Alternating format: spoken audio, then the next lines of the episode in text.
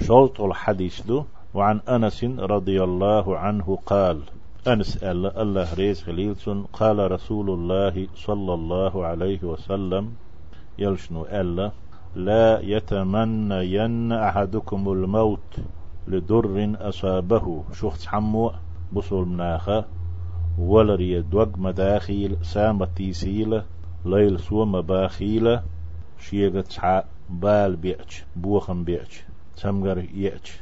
لا خلدرشتلهم ديأتش. فإن كان لابد فاعلا آلز عش واتح فليقل سؤاليل ولري ساتة يسوش تلمتنا اللهم أحيني ما كانت الحياة خيرا لي. أي الله سو دين لا تويح دين خلر واخر يه سون ديك ميلدو. وتوفني إذا كانت الوفاة خيرا لي. سو دقل ويأح ولر دقل خرسونة ديك دلح. آلي. متفق عليه دو حديث. اللهم أحيني. هي الله. سو دين لا تويح ما كانت الحياة خيرا لي. دين خلر وآخر سون ديك ميلدو. ما تيقح دوا من دول مادو. وتوفني صدق ويأح إذا كانت الوفاة خيرا لدق الهور سون ديك دلح اللي ديك ميلدو تألا ديك دلح ألا متفق عليه دي حديث.